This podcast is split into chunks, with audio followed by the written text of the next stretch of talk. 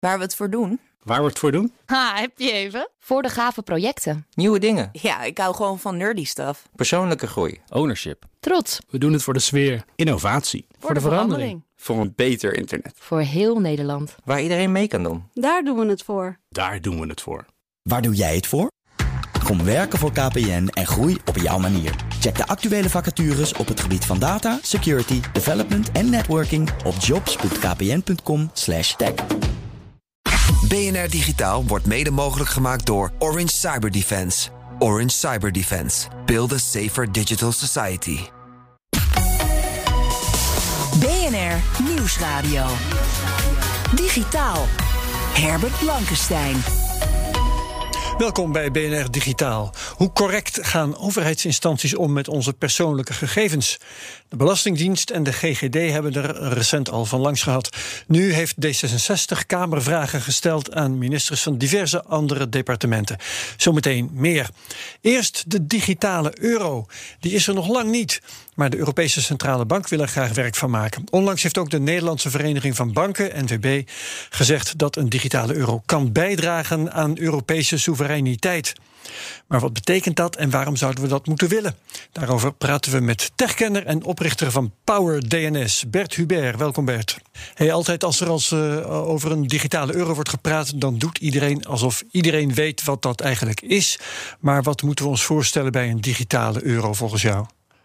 Ja, ik moet eerlijk bekennen dat ik daar zelf ook wat over in de war was. Want het klinkt allemaal heel concreet. Als je het woord digitale euro hoort, dan denk je van nou, hè, ik heb al een digitale euro en die kan ik gewoon uh, ja. kopen. Ja, uh, overmaken ook. ook ja. tientallen, tientallen rapporten over geschreven. En als je die uiteindelijk allemaal doorleest, dan zie je dat er eigenlijk alleen maar een wensenlijstje is gepresenteerd over de digitale euro. En daarheen heeft iedereen zijn, zijn zegje mogen doen. Dus het is, hij heeft aspecten van een bitcoin, hij heeft aspecten van een fysieke euro. Maar uh, er staat ook branding op. Dus er moet kennelijk ook een Europese vlag op komen te staan op deze digitale euro. En uiteindelijk uh, blijkt dat niemand weet wat het is op dit moment. Dat is makkelijk. Ik zou je vertellen wat ik uh, dacht of denk dat het is. Namelijk een rekening bij de centrale bank. Waar uh, je een euro hebt met een andere status dan bij een commerciële bank. Namelijk niet Ja, een vordering van de- commerciële bank, maar, een, maar echt geld dat, uh, dat, dat je niet kwijt kunt raken omdat die bank niet failliet kan gaan. Ja, nou, ik moet eerlijk zeggen, als je alle voorwaarden kijkt die men heeft gesteld, alle requirements, dat zijn er 13. En uh, een van die 13 requirements is inderdaad een uh, beschrijving zoals jij die nu neerlegt. Dat het nou, een soort uh, ja, digitaal ding is wat je ergens neer kan leggen. Maar men voegt er gelijk aan toe, we willen wel heel graag dat deze munt um, ook gewoon kan bijdragen aan het monetair beleid. Dus men wil er rente op kunnen heffen. En um, nou, eigenlijk moet het gewoon een soort gewone euro zijn. Want het moet ook niet zo zijn dat mensen ermee gaan speculeren. Ja. En, en het geld moet ook niet ineens naar het buitenland kunnen vluchten. Want nee. dat vinden we ook heel vervelend. En het moet een euro zijn, een digitale euro, oké, okay, maar een euro. En dus moet die ook gewoon evenveel waard zijn als een euro. Je moet er hetzelfde mee kopen als een euro. Net zo kunnen overmaken als een euro, toch? Dat, uh, dat moet toch hetzelfde ja. blijven, zou ik zeggen. Dat zou mijn requirement in elk geval zijn. Ja, dat moet, ik moet ook eerlijk zeggen, na alles gelezen te hebben, kan ik eigenlijk alleen maar constateren dat ze bij de Europese Centrale Bank uh, steeds de vraag krijgen van joh, gaan jullie nou ook een keer iets met de blockchain doen? En dat ze ja. daar geen zin in hadden. En dat hun antwoord uiteindelijk is geworden van nou, we gaan een project opzetten, de digitale euro. En daar gaan we vijf jaar lang uh, heel druk mee bezig zijn. En gedurende die vijf jaar lang, als iedereen zegt van gaan jullie nog eens iets doen met een blockchain, dan zeggen we ja, daar zijn we heel druk mee bezig. Ja, uh, nou komen we op het gebied van de techniek. Uh, waar jij en ik uh, misschien net iets meer in thuis zijn dan het, uh, het gebied van financiën. Um, blockchain is toch niet een vereiste voor een digitale euro? Nee, en sterker nog, de requirements hebben eigenlijk gezegd dat dat moet en ook niet mag. En dan moet ik even uitleggen wat daarmee bedoeld wordt. Ja? Men heeft aan de ene kant gezegd van nou, de, uh, deze munt moet geheel offline kunnen werken en dus zonder een centrale uh, plek. Maar aan de andere kant, hij moet ook energiezuiniger zijn dan, uh, dan de huidige euro. Energie. Um, dan ja. wordt bedoeld niet energiezuiniger dan bitcoin, want dat is misschien niet zo moeilijk. Energiezuiniger ja, nee, dan de moet, euro. Ja, hij moet het, het moet een efficiënter betalingsverkeer opleveren met een lagere uh, milieubelasting. Aha. En, um, en Want daar zijn cijfers eigenlijk... over bekend. Dat is juist iets waar ik nooit iets over lees. Iedereen klaagt altijd over de bitcoin, maar niemand heeft het over het energiegebruik van de euro.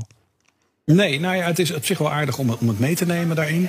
Maar uh, in de praktijk heeft men door alle uh, requirements zichzelf in de vingers gesneden. Want aan de ene kant, een deel van de eisen uh, wijst gewoon op een, een blockchain-achtige technologie. En een ander deel van de eisen sluit dat juist actief weer uit. Ja, dat is vreemd. Um, wat vinden de banken daar zelf van? Is, is, hebben die daar uitspraken over gedaan? Nou, ik denk dat die, uh, dat verslag van de, van de Vereniging van Nederlandse Banken is nu bijvoorbeeld vrij uh, typerend voor de reacties die uit de bankwereld tevoorschijn zijn gekomen. Uh, namelijk, iedereen wil best wel graag meedoen, want ze hebben allemaal dat probleem dat ze de hele dag worden bevraagd van gaan jullie nog eens iets doen met de blockchain? dus in zoverre wil iedereen graag meedoen met de inventarisatie van wat vinden we ervan. Maar banken blijven natuurlijk banken. Dus als je aan een bank vraagt van joh, zouden jullie iets fundamenteel willen veranderen aan de aard van jullie werk? Dan is het antwoord natuurlijk nee. Nee. Uh, maar dus iedereen wil wel heel graag. De euro zoals ik die net beschreef, die dus uh, uh, alleen maar bestaat op rekeningen bij de centrale bank, daar zullen commerciële banken niet zo erg enthousiast over zijn, want dat tast hun positie in de markt aan. Ja, en, en, dat zie je dus ook alweer in de documenten die verschenen zijn, waarin staat van ja, uh, de digitale euro kent een belangrijke rol toe, potentieel, want alles is potentieel in dit verhaal, ja. aan de uh, intermediates. En de intermediates zijn zeg maar de bestaande banken, die daarmee toch een soort, uh, ook al zou je die digitale euro rechtstreeks tussen jou en mij uh, kunnen overmaken, um, zeggen ze van nou, maar we vinden het toch wel leuker als je dat eigenlijk via de, de bank doet, via de traditionele kanalen. Ja, ja, laten we de middelman vooral zijn, zijn rol gunnen. Ja, het is in die zin is het best wel een, een soort. Uh, laten we van alles veranderen, maar vooral niet. Ja, laten we van alles veranderen, maar laten we vooral niks veranderen. Ja, ja precies. Um, en één ding staat vast, lijkt mij, uh, en dat is belangrijk in de discussie, nou ja, in, de, in de, de concurrentiestrijd met Bitcoin, zeg maar. Uh, de digitale euro blijft hoe dan ook fiat geld, hè, geld dat eventueel bijgedrukt kan worden en zo. Het is wat dat betreft gewoon een verlengstuk van de huidige euro. Ja, het is, eh, maar dat is ook niet geheel onverwacht. Want als je een centrale bank vraagt van joh, wat zouden jullie willen doen met geld? Dan zullen ze zeggen, we willen vooral doorgaan met geld zoals het nu is. Ja, monetair beleid kunnen voeren bijvoorbeeld. En niet ja, vast dat staat er, ook, er staat ook expliciet in. Er staat dus echt expliciet opgenomen in de documenten van joh, we willen de rente op kunnen heffen. En uh, we ja. willen er monetair beleid mee kunnen uitoefenen. En we willen ook controleren uh, wie die euro allemaal heeft. Dus men zegt van het is wat prima als de digitale euro buiten Europa wordt gebruikt. Maar we willen dat wel kunnen beperken. Ja, Um, een van de dingen die ik interessant vind en, en uh, die dan ook valt onder um, overeenkomsten met cryptovaluta. Een digitale euro zou programmeerbaar kunnen zijn. Hè? Dus bijvoorbeeld dat je uh, een, een uh, aantal euro's alleen maar uitgeeft met daaraan een oormerk dat zegt: dit moet je gebruiken om bijvoorbeeld, noem maar wat, zorg in te kopen. Ja, nou dat heeft men er ook bij gezet, maar je moet er niet al te veel aan tellen, want men heeft er gewoon van alles en nog wat bij gezet. Dat is, in die zin is die ja. digitale euro een klassiek ICT-project waar je langs alle afdelingen loopt en iedereen vraagt van wat zouden jullie graag willen. Ja. En na afloop heb je opgeschreven wat iedereen allemaal wil en dan heb je een onmogelijke uh, set vereisten die nooit, ik bedoel, het moet makkelijk zijn en betrouwbaar, maar ook uh, eenvoudig inzetbaar en, uh, en nooit te hacken, maar wel voor iedereen. En uh, dus kom je uit en inderdaad, men heeft daar programmeerbaar geld inderdaad letterlijk ingezet. Want iedereen vindt het toch wel een leuk concept. En je kan er eindeloos over naar de congressen gaan en over praten met z'n allen. Ja. Um, maar het is maar één van de, de 15 uh, requirements. Ja, en uh, de manier waarop ik jou hierover hoor praten, denk ik, nou, volgens mij gelooft Bert dat er helemaal niks van terecht gaat komen. Nou, wat ik eerlijk zeg, ik denk letterlijk, ik heb het zelf ook wel eens meegemaakt met mijn eigen bedrijf, dat iedereen zegt: waarom doe je niet dit, waarom doe je niet dit, waarom doe je niet dit? Ja. En na een tijdje word je dan heel erg moe. En dan zeg je: Nou, weet je wat, we gaan dit doen. En uh, dan maak je er een mooi studieproject van. En, en uh, vijf jaar later hoop je dat iedereen het vergeten is. Ja, maar dat kan in dit geval niet. Want um, China bijvoorbeeld doet het al. de Europarlementariër van de VVD, Bart Groothuis, heeft daarvoor gewaarschuwd. Ook in, in BNR-programma's, podcasts en zo. Um, China is met dit soort dingen bezig en uh, gaat uh, daarmee Afrika veroveren, uh, zei Bart Groothuis in dat geval. Um, en de Nederlandse Vereniging van, Banken die zegt dat met de concrete doelen zo'n digitale euro voor Europese soevereiniteit kan zorgen. of in ieder geval die Europese soevereiniteit een beetje kan helpen handhaven. Dus um, wat is hier gaande? Kun je dat toelichten? Ja, daar kun je wel wat over zeggen. Maar een van de eisen die men heeft gesteld aan de digitale euro is dat het de meest geavanceerde munt ter wereld wordt. Ja, ja, ja, Dat is een eis op zich, zeg maar. Europese technologische dominantie. Ja, dat, dat, moet je toch echt wel zien in een, eh, in een strijd inderdaad met, eh, met China en andere landen.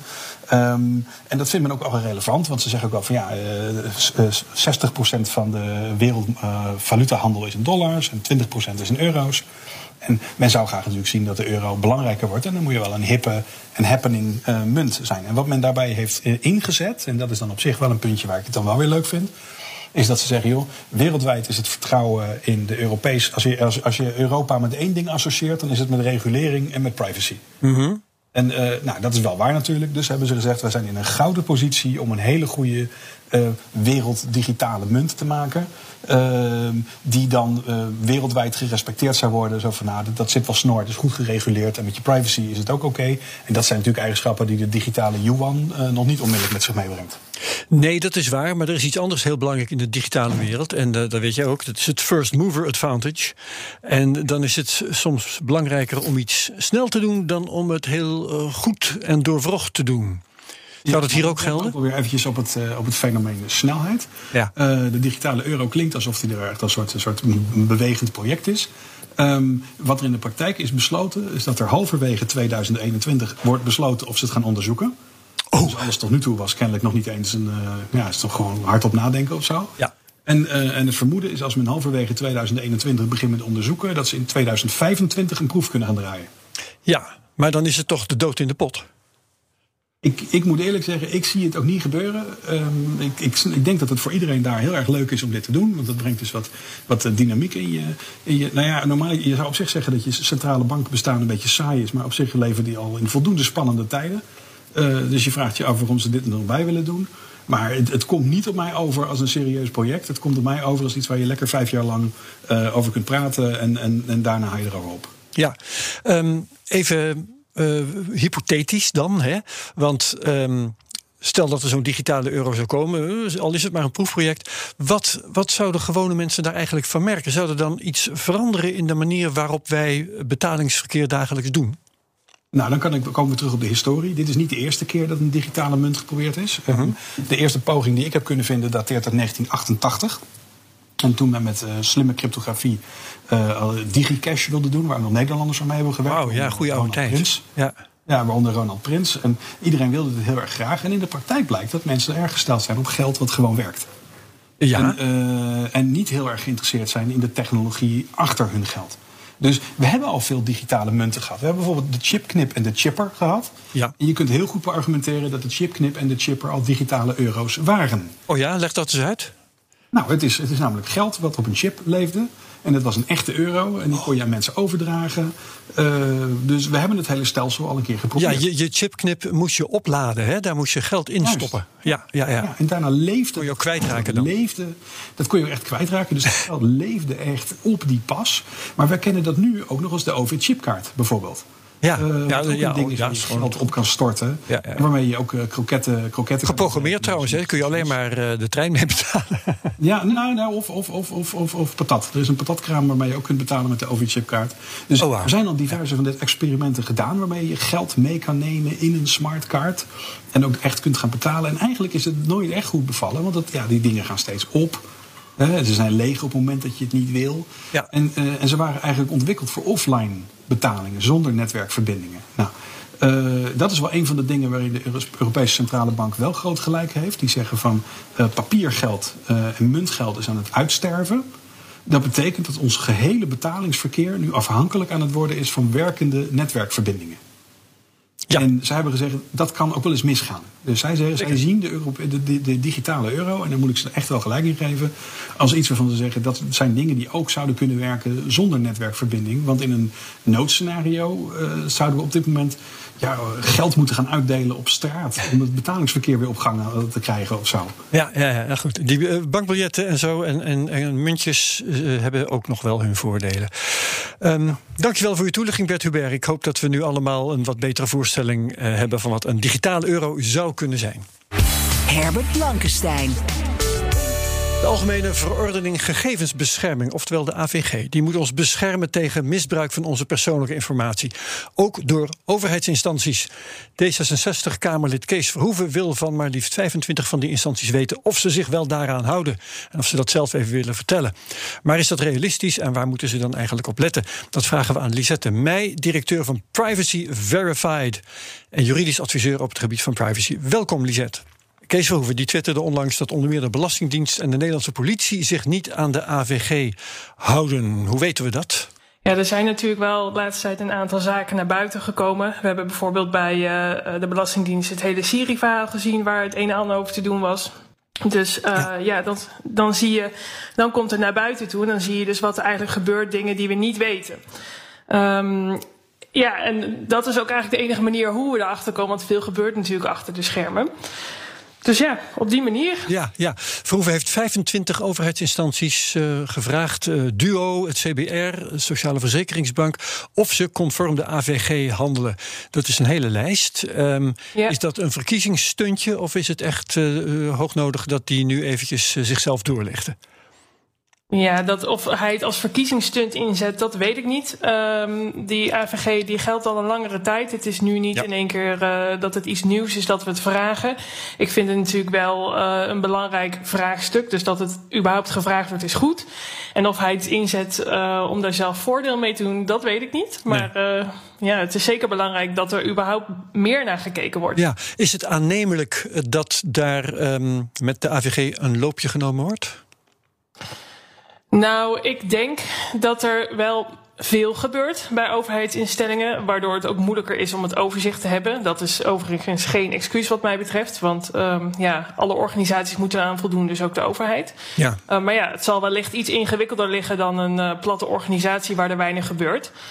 Maar goed, hè, het is de wet, dus um, ja. ook zij zullen er wat mee moeten. Ja. Wat voor plicht hebben ze om, uh, die, uh, om, om, echt onderzoek te doen naar aanleiding van het verzoek van Verhoeven? Ze, ze kunnen toch zeggen, nou ja, naar ons beste weten voldoen wij volledig aan de AVG en, en komen ze daarmee weg? Of is het anders?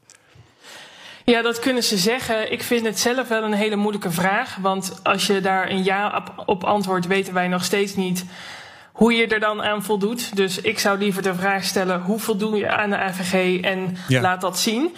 Uh, want daar, dan heb je wat aan het antwoord. Of een ja of een nee, dan weten we nog steeds niet wat er dan eigenlijk speelt. Ja, maar mijn vraag was eigenlijk: hebben ze een plicht om nu naar aanleiding van die vraag uh, een, een onderzoek te doen dat uh, aan bepaalde normen voldoet? Of is dit eigenlijk maar spielerij? Nee, ze kunnen prima zeggen, ja, wij voldoen of we zijn er druk mee bezig. Ja. Uh, op het moment dat een toezichthouder natuurlijk zegt, laat zien uh, of je eraan voldoet, dan heb je inderdaad een bepaalde plicht. Maar nu kunnen ze ja. prima zeggen, ja, ik voldoe hartstikke goed aan de AVG. Met andere woorden, een Kamerlid is nog geen toezichthouder en een, een echte plicht om hier serieuze informatie op te geven, die is er niet. Nou ja, je, de vraag is, voldoe je aan de AVG? En daar ja. kan natuurlijk ja een antwoord op zijn. ja, inderdaad. Ja. ja. Um, is, is de AVG verder van dien aard dat uh, het mogelijk is om zich daaraan te houden? Want uh, ja, de Belastingdienst en uh, de GGD's hebben nou ja, laten zien dat dat in elk geval heel moeilijk is. Is, is dat redelijkerwijs mogelijk? Ik merk aan, op allerlei momenten ook dat, um, dat het allemaal zeer complex is en dat organisaties hier dus gewoon moeite mee hebben. Dat is begrijpelijk. Um, nou ja, het is zeker mogelijk. Maar als je inderdaad kijkt naar grotere organisaties, waaronder de overheid, uh, werken ze natuurlijk al langere tijd op een bepaalde manier. Belastingdienst zegt bijvoorbeeld, we hebben 900 systemen waar we mee moeten werken. Ja. Maar goed, ik denk dat dan het een kwestie is van uh, prioriteiten stellen en misschien budget uh, anders verdelen. Maar ja, het is het, zeker mogelijk. We zien zat organisaties die er goed aan voldoen. Dus um, het is geen onmogelijke taak wat dat betreft. Ja, ja, ja. Nee, zeker. Um, maar je zegt prioriteiten stellen. Uh, de Belastingdienst, um, ik weet niet wat hun prioriteiten zijn, maar misschien zeggen ze wel: ja, we moeten nog een aantal mensen toeslagen terugbetalen. Die AVG wacht maar eventjes. Uh, ja, ze dan een dat punt? kan. Ja. Uh, nee. Hebben ze geen punt? Niet. Nee, nee, absoluut niet. Want dit is, het is niet of-of. je moet Tuurlijk, uh, ja. de toeslagen, dat is één verhaal. Maar om die toeslagen goed te verwerken, moet je natuurlijk ook de privacy waarborgen. En het is niet iets ja. wat over vier jaar gedaan kan worden. Dat moet gewoon Uh, dat moet je standaard werkwijze zijn. Daar, Daarbij moeten gegevens goed verwerkt worden, moet privacy gewaarborgd worden. Dus dat is niet een, een project wat je over een tijd oppakt en daar een keer aandacht aan besteedt. Dat is continu, uh, hoort dat bij je bedrijfsvoering onderdeel te zijn. Niet zo van, we doen dat wel een keer als we zin hebben. Uh, je, je, ik hoor je de termijn van vier jaar noemen. Dat doe je waarschijnlijk niet, niet voor niks. Want staatssecretaris Veilbrief heeft het al gezegd een tijdje geleden. De Belastingdienst voldoet over vier jaar aan de AVG. Um, ja, dat is dus wel heel erg lang.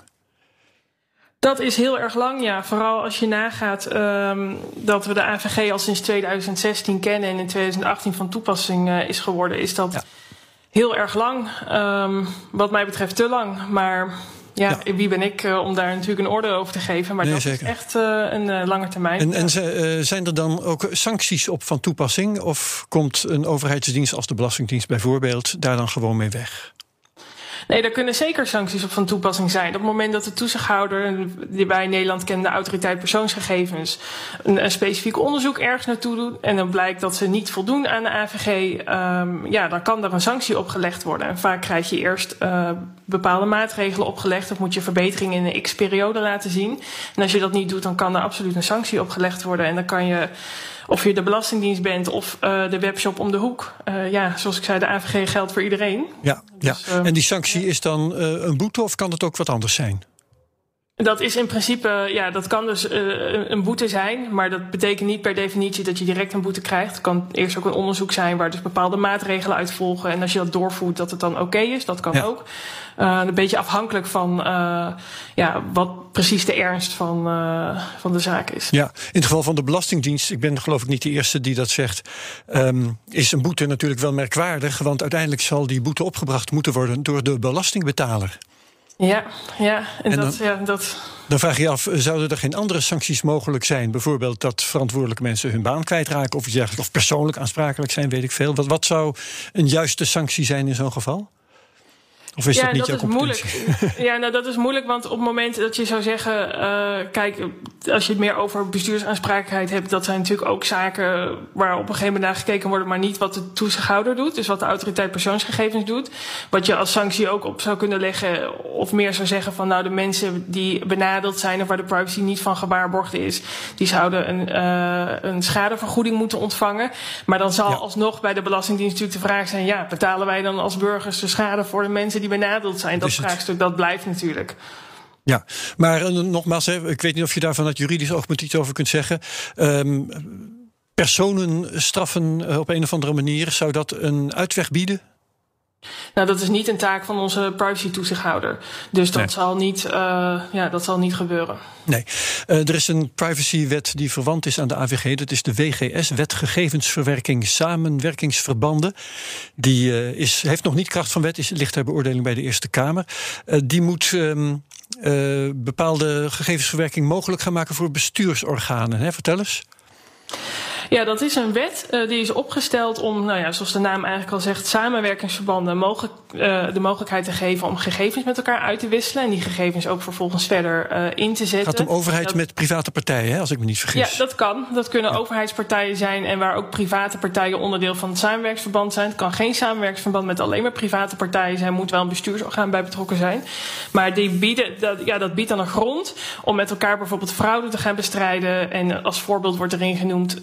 Uh, dat je bijvoorbeeld hennepkwekerijen wil opsporen en heb je misschien gegevens van energieleveranciers nodig. En nu kan dat niet, want die energieleveranciers hebben dan geen juridische grond om die gegevens uh, te verstrekken. En daar biedt deze wet dan een mogelijkheid voor. Ja, um, betekent dat dat deze wet en de AVG met elkaar in strijd zijn? Of zie ik dat verkeerd? Uh, nee, die zijn niet met elkaar in strijd. Dit is eigenlijk een soort van uh, nou ja, een aanvulling wil ik het ook niet noemen, maar je kunt het zien als dat de AVG de basis is voor de maatregelen die je moet nemen op het gebied van privacy. En een van die eisen uit de AVG is dat je altijd een grond moet hebben om de gegevens te mogen verwerken. Ja. En, en de wet uh, gegevensverwerking samenwerksverbanden die biedt dan zo'n grond om de gegevens te verwerken. Maar dat betekent niet dat je niet aan de AVG hoeft te houden. Je moet nog steeds al die vereisten uit de AVG opvolgen. Oké, goed. Um, we hebben meer inzicht gekregen in uh, de rijkwijde van uh, de AVG. Hartelijk bedankt voor de toelichting, Lisette Meij, directeur van Privacy Verified. Je kunt BNR digitaal terugluisteren via bnr.nl, onze app, of waar je ook maar luistert naar podcasts. En dan vind je ook mijn andere podcasts, de Cryptocast, de Technoloog en Space Cowboys. Wat BNR digitaal betreft, heel hartelijk bedankt en graag tot volgende week. BNR Digitaal wordt mede mogelijk gemaakt door Orange Cyber Defense. Orange Cyber Defense. Build a safer digital society.